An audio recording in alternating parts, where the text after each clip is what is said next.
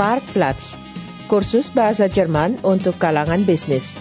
Sebuah produksi bersama Radio Deutsche Welle, Kamar Dagang dan Industri Jerman, serta Lembaga Karl Duisberg.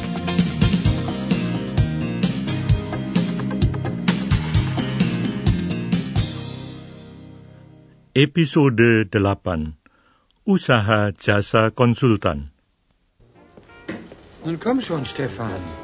Wir müssen zum Termin mit dem Buchhalter. Es ist 10 nach 3. Der Meier wartet schon im Besprechungsraum. Ja, ich weiß, ich weiß, Vater. Ich trage hier nur noch gerade meine Unterlagen zusammen. So. Alles klar. Ja, wir können.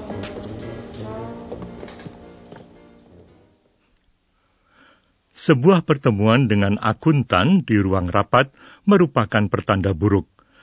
Perusahaan Müller KG merupakan pemasok industri otomotif dan kini sedang merugi. Akuntan menyebutkan angka-angka konkret mengenai penurunan omset dan peningkatan biaya. Inzwischen liegen mir die Zahlen für die ersten sechs Monate dieses Jahres vor. Ich muss gestehen, Sie haben die schlimmsten Befürchtungen bestätigt. Im Vergleich zum Vorjahr hat die Müller KG in den Monaten Januar bis Juni ein Umsatzminus von äh, 13,27 Prozent registriert. Die Kosten sind dagegen um äh, 4,62 Prozent gestiegen. Das bedeutet, Wir sind dick in die Miesen gerutscht. Tiefrote Zahlen. Sehr richtig, Herr Müller. Um genau zu sein, im ersten Halbjahr dieses Jahres betrug der Verlust exakt 134.832 D-Mark. Para pemilik perusahaan, Müller Senior dan Müller Junior, sepakat bahwa keadaan ini tidak bisa dibiarkan. Apa yang dapat mereka lakukan? Mungkin menutup perusahaan untuk mencegah jatuh payit. Müller Junior yakin bahwa mereka terutama harus mengurangi pengeluaran untuk gaji dan biaya personalia tak langsung. Langkah terbaik menurutnya adalah memindahkan produksi ke kawasan timur. Wir sollten den Betrieb schließen, bevor wir Konkurs machen. Es hat doch alles keinen Zweck mehr. Naja, in Deutschland bestimmt nicht. Na, hier fressen uns die Löhne alles auf. Und erst die Lohnnebenkosten. Na, jetzt auch noch die Pflegeversicherung. Ich sag dir was, Vater. Lass uns in den Osten gehen. Nach Polen, Ungarn, Russland, ach, egal wohin. Da können die Leute noch richtig hart arbeiten. Und Streiks, die gibt's da auch nicht. Ins Ausland? Ja. Meinst du wirklich?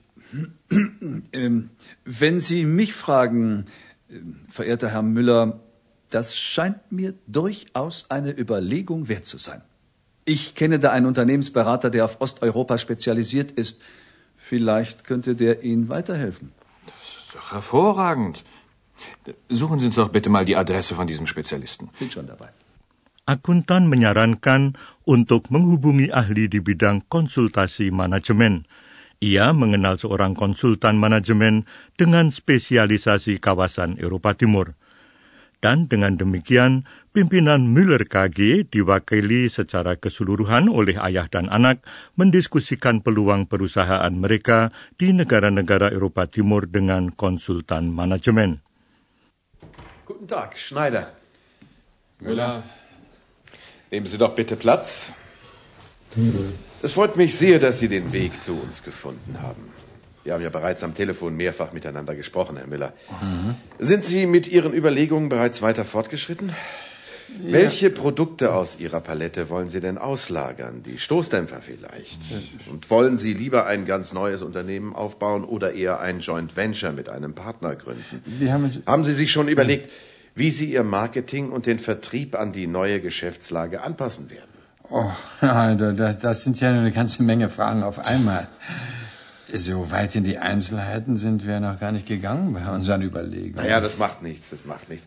Dann fangen wir doch einfach mal der Reihe nach an. An welches Zielland haben Sie denn gedacht? Konsultan manajemen Schneider mengajukan pertanyaan-pertanyaan yang sangat terarah, yaitu kegiatan produksi untuk produk-produk apa saja yang hendak dipindahkan ke luar negeri, apakah mereka merencanakan pendirian perusahaan baru atau pembentukan usaha patungan, ayah beranak Müller belum memikirkan detail-detail seperti itu. Müller Junior berangan-angan mengenai Rusia, sebuah tempat dengan upah paling rendah dan potensi pasar paling besar. Jika orang Rusia berhasil mengatasi masalah-masalah mereka, maka peluang untuk meraih keuntungan besar di sana terbuka lebar. Da haben wir schon durchaus eine Idee. Möglichst weit nach Osten wollen wir gehen, haben wir uns überlegt. Russland. Das wäre ein prima Ziel, finde ich. Ah ja. Ja, da sind die Löhne doch am niedrigsten und der potenzielle Absatzmarkt am größten. Ja, und wenn die Russen mal ihre Probleme in den Griff kriegen, dann können wir dort Millionen verdienen. Millionen! Di samping gaji, pihak majikan di Jerman menanggung setengah dari iuran untuk asuransi kesehatan dan pensiun serta untuk asuransi pengangguran bagi para karyawan. Majikan juga harus melanjutkan pembayaran gaji bila karyawan jatuh sakit. Ia pun wajib membayarkan uang dalam jumlah tertentu ke rekening simpanan karyawan untuk ditabung. Kecuali itu, masih ada tunjangan khusus untuk pendidikan anak atau untuk persiapan hari tua dan untuk berbagai program lainnya. Karena itu, pengurangan pengeluaran untuk gaji merupakan impian hampir setiap pengusaha. Tetapi konsultan manajemen Schneider mengingatkan agar berbagai peluang yang terdapat di negara-negara reformasi tidak dinilai terlalu tinggi. Peraturan perundangan sering kali tidak jelas. Orang harus sangat waspada. Kepemilikan lahan tidak terdokumentasi dengan pasti. Keinginan pihak-pihak lain untuk ikut menikmati keuntungan harus diperhitungkan sejak awal. Pemberian uang pelicin kepada mafia atau kepada instansi-instansi resmi, menurut istilah Pak Schneider, sering tidak terelakkan. Singkat kata, kerugian tidak dapat dihindari pada tahap awal.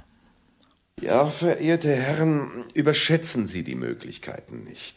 Die Reformstaaten im Osten sind nicht die gelobten Länder.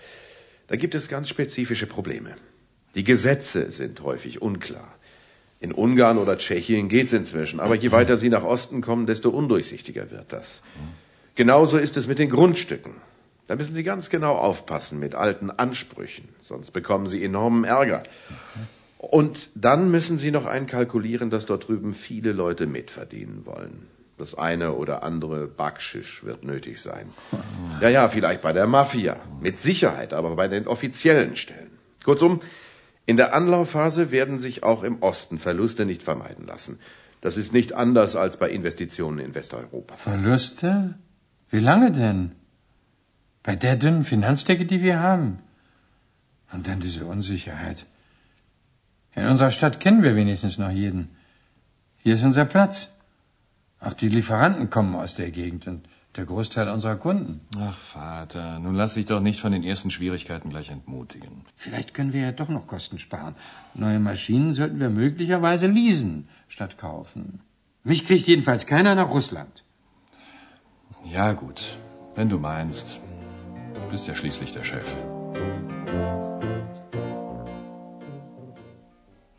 Pendapat Müller senior sepertinya benar.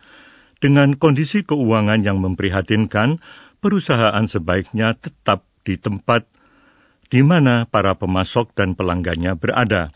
Penghematan biaya juga dapat dilakukan dengan cara lain, misalnya dengan leasing. Pengalaman perusahaan konsultan Dresner Management Consult menunjukkan bahwa sekitar 50 persen dari semua pengusaha yang bermaksud menanamkan modal di Eropa Timur langsung mengurungkan niat mereka setelah melakukan pembicaraan konsultasi pertama. 40 persen mundur pada tahap persiapan dan tahap negosiasi dengan pihak mitra – kurang dari 10 persen yang akhirnya mewujudkan rencana mereka dan berhasil. Dieter Endres, pimpinan perusahaan Dresner Management Consult, menjelaskan cara menganalisis suatu perusahaan serta cara mengembangkan strategi penjualan untuk masa 2-3 tahun. Wir müssen wissen, was will das Unternehmen eigentlich, was ist die Zielstellung des Unternehmens Und wie sind die Investitionsvorhaben äh, in den nächsten zwei bis drei Jahren zu bewerkstelligen? Was kann eigentlich der Unternehmer investieren? Was bleibt letztlich gesehen aus der strategischen Überlegung her über? Und wie geht der Unternehmer ganz konkret in die neue Marktsituation? Das sind mentale Fragen im Vordergrund, das sind andere Kulturen. Da haben wir die Notwendigkeit, flexibel mit bestehenden Organisationen auf die neuen Kulturen, auf die neuen Märkte zu reagieren. Und da sind sicherlich auch neue Strategien erforderlich. Und an vielen Stellen ist es so, dass wir den Unternehmer, den deutschen Unternehmer mit an die Hand nehmen und in die sogenannten Emerging Markets mitführen. Perusahaan konsultan seperti Dresner Management Consult membantu para pengusaha berorientasi di pasar-pasar baru. Jasa yang ditawarkan sangat beragam, mulai dari pengembangan strategi penjualan, pencarian mitra untuk usaha patungan, sampai informasi mengenai persyaratan untuk memanfaatkan program bantuan Uni Eropa, Bank Dunia, serta Bank Eropa untuk rekonstruksi dan pembangunan. Dalam kondisi tertentu, para investor Jerman juga dapat memperoleh bantuan dana dari Perkumpulan Investasi dan Pembangunan Jerman. Pada tahun 1995 saja, investasi pengusaha-pengusaha Jerman di negara-negara Eropa Tengah dan Timur mencapai hampir 5 miliar mark. Jumlah ini tiga kali lipat penanaman modal di Asia. Tetapi sampai kini langkah mereka masih terbatas pada negara-negara yang termasuk dekat secara geografis, yaitu Hongaria, Polandia, dan Cekia. Perusahaan asal kota Düren, Schöller Tekstil, memproduksi berbagai jenis benang. Ada beberapa alasan mengapa sebagian produksinya dipindahkan ke luar negeri. Pertama, demikian digarisbawahi pimpinan perusahaan Philip Schöller, industri tekstil menghadapi situasi persaingan khusus. Sektor industri ini mempunyai pesaing serius di Mesir, Pakistan, dan India. Negara-negara tersebut menghasilkan produk-produk unggul dengan struktur biaya yang jauh lebih menguntungkan jika dibandingkan dengan kondisi di Jerman. Die Textilindustrie ist wie selten eine andere Branche international strukturiert. Es gibt da einen sehr gut funktionierenden internationalen Welthandel. Ich meine, wo sonst, in welcher Branche haben Sie das Phänomen, dass Sie also hervorragende Wettbewerber aus Ägypten, Pakistan und Indien haben, mit denen Sie konkurrieren müssen? Äh, das zeigt einfach, äh, wir haben eine Konkurrenzsituation, wo wir mit Wettbewerbern kämpfen müssen, die deutlich günstigere Kostensituationen haben. Biaya produksi yang tinggi di Jerman merupakan penyebab utama di balik keputusan perusahaan Schöller Tekstil untuk mencari mitra guna membentuk usaha patungan di Cekia. Di samping itu, sudah banyak pelanggan mereka, yaitu para produsen garmen, pindah ke sana. Kedekatan geografis dengan pemberi order juga mengurangi biaya transportasi. Menurut Philip Schuller, pengusaha menengah sebaiknya memanfaatkan jasa konsultan manajemen pada waktu mencari mitra usaha. Justru dalam hal ini, faktor kecepatan sangat menentukan. Sumber daya manajemen yang dimiliki pengusaha menengah memang terbatas. Es ist ähm, sicherlich gerade für ein Haus unserer Größenordnung, ich will mich jetzt mal als Mittelständler bezeichnen, absolut notwendig, dass man sich da die Fachexpertise einkauft. Ähm, alleine wird man äh, das in der Geschwindigkeit und Geschwindigkeit ist ein sehr wichtiger Moment bei einer solchen Übernahme gar nicht leisten können. Meine einfach auch die Managementressourcen eines, eines Mittelständlers sind einfach begrenzt. Ja. Perusahaan konsultan berhasil membantu perusahaan Schöller Tekstil mendapatkan mitra usaha yang cocok di Cekia dalam waktu yang relatif singkat. Namun masih banyak yang harus dikerjakan sebelum kegiatan produksi dapat dimulai, yaitu renovasi bangunan, pemasangan peralatan baru, dan pelatihan buruh. Tetapi Philip Schuller yakin bahwa di Barat pun dialami banyak kesulitan dalam mendirikan cabang baru.